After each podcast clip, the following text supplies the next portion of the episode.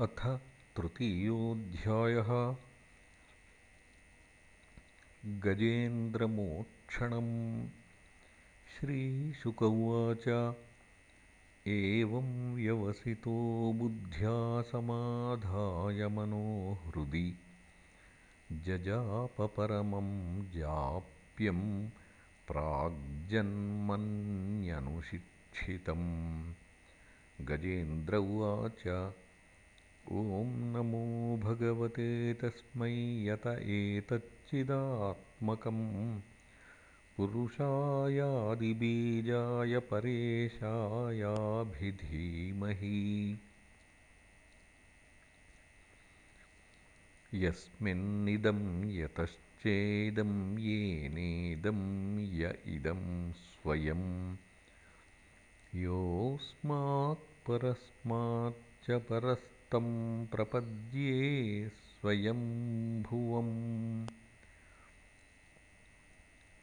यस्वात्मनीदं निजमाययार्पितं क्वचिद्विभातं क्व च तत्तिरोहितम् अविद्धदृक्साक्षिभयं तरीक्षते स आत्ममूलोऽवतु मां परात् परः कालेन पञ्चत्वमितेषु कृत्स्नशो। लोकेषु पालेषु च सर्वहेतुषु। तमस्तदासीद्गहनं यस्तस्य पारेऽभिविराजते विभुः। न यस्य देवा ऋषयः पदं विदुः। जन्तुः पुनः कोऽर्हति गन्तुमीरितुम्। यथा नटस्याकृतिभिर्विचेष्टतो दुरत्ययानुक्रमणः समावतु। दिदृक्षवो यस्य पदं सुमङ्गलं विमुक्तसङ्गामुनयः सुसाधवः। चरन्त्यलोकव्रतमव्रणं वने भूतात्मभूताः सुहृदः समे गतिः। न विद्यते यस्य च जन्मकर्म वा न नामरूपे गुणदोष एव वा तथापि लोकाप्ययसम्भवाय यः स्वमायया तान्यनुकालमृच्छति तस्मै नमः परेशाय ब्रह्मणेऽनन्तशक्तये अरूपायोरुरूपाय नमाश्चर्यकर्मणे नम आत्मप्रदीपाय साक्षिणे परमात्मने। नमो गिरां विदूराय मनसश्चेतसामपि। सत्त्वेन प्रतिलभ्याय नैष्कर्म्येण विपश्चिता। नमः कैवल्यनाथाय निर्वाणसुखसंविदे। नमः शान्ताय घोराय मूढाय गुणधर्मिणे। निर्विशेषाय साम्याय नमो ज्ञानघनाय च क्षेत्रज्ञाय नमस्तुभ्यं सर्वाध्यक्षाय साक्षिणे पुरुषायात्ममूलाय मूलप्रकृतये नमः। सर्वेन्द्रियगुणद्रष्ट्रे सर्वप्रत्ययहेतवे असताच्छाययोक्ताय सदा भासाय ते नमः। नमो नमस्तेऽखिलकारणाय निष्कारणायाद्भुतकारणाय सर्वागमाम्नाय महार्णवाय नमोपवर्गाय परायणाय।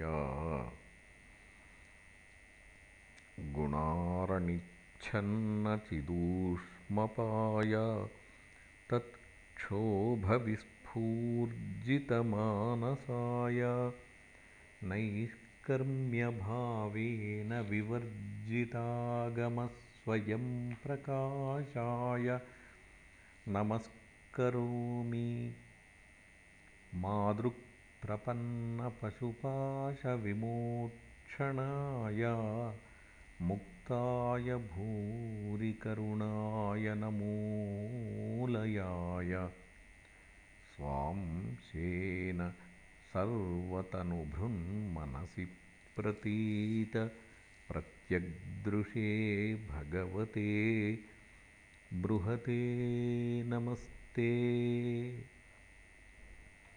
आत्मात्मजाप्तगृहवित्तजनेषु सक्तैः दुष्प्रापणाय गुणसङ्गविवर्जिताय मुक्तात्मभिः स्वहृदये परिभाविताय ज्ञानात्मने भगवते नमैश्वराय यं धर्मकामार्थविमुक्तिकामाः भजन्त इष्टां गतिमाप्नुवन्ति किं त्वाशिशोरात्यपि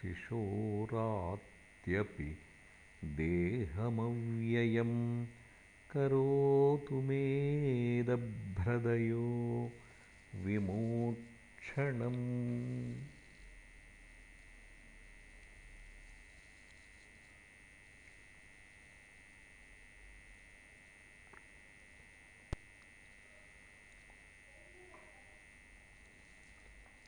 एकान्तिनो यस्य न कञ्चनार्थं वाञ्छन्ति ये वै भगवत्प्रपन्नाः। अत्यद्भुतं तच्चरितं सुमङ्गलं गायन्त आनन्दसमुद्रमग्नाः। तमक्षरं ब्रह्म परं परेशम् अव्यक्तमाध्यात्मिकयोगगम्यम् अतीन्द्रियं सूक्ष्ममिवातिदूरम् अनन्तमाद्यं परिपूर्णमीडे।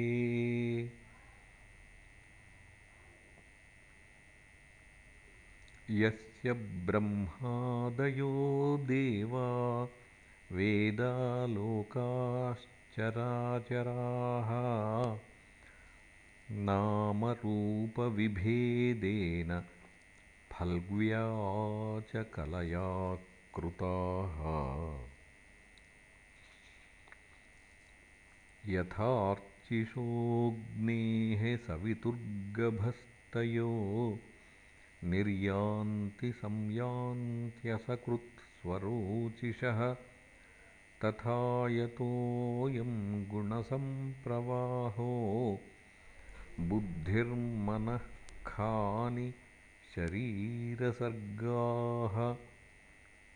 स वै न देवासुरमर्त्यतिर्यं न न षण्ढो न पुमान् जन्तुः।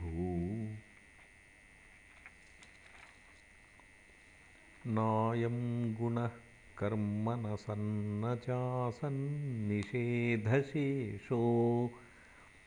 जयतादशेषः जिजीविषेनाहमिहामुया किम् अन्तर्बहिश्चावृतये भयोन्या इच्छामि कालेन न यस्य विप्लवः तस्य स्यात्मलोकावरणस्य मोक्षम्।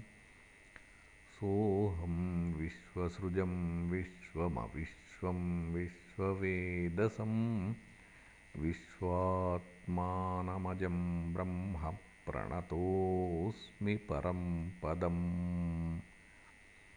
योगरन्धितकर्माणो हृदि योगविभाविते योगिनो यं प्रपश्यन्ति योगेशं तं नतोऽस्म्यहम्।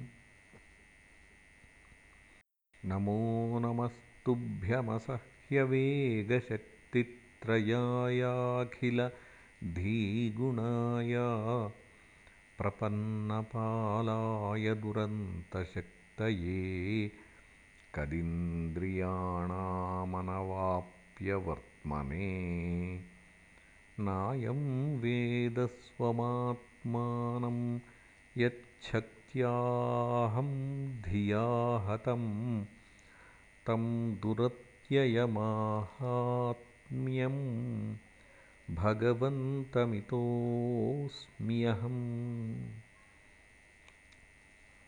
श्रीशुक उवाच एवं गजेन्द्रमुपवर्णितनिर्विशेषं ब्रह्मादयो विविधलिङ्गभिदाभिमानाः नैते यदोपससृपुर्निखिलात्मकत्वात् तत्राखिलामरमयो हरिराविरासीत्.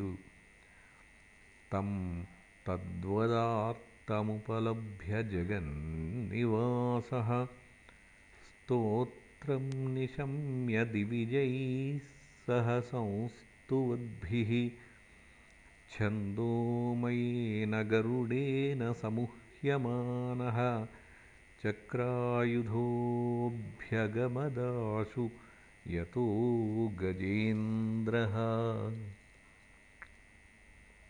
सोऽन्तः सरस्युरुबलेन गृहीतार्तो दृष्ट्वा गरुत्मतिहरिं ख उपात्तचक्रम् उच्छिप्य साम्बुजकरं गिरमाह कृच्छ्रात्।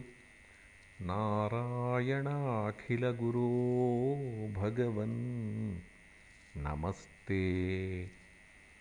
तं वीक्ष्य पीडितमजः सहसावतीर्य सग्राहमाशु सरसः कृपयोज्जहार ग्राहाद्विपाटितमुखादरिणा गजेन्द्रम् सम्पश्यतां हरिरमूमुचदुःश्रियाणाम् इति श्रीमद्भागवते महापुराणे पारमहंस्यां संहितायाम् अष्टमस्कन्धे तृतीयोऽध्यायः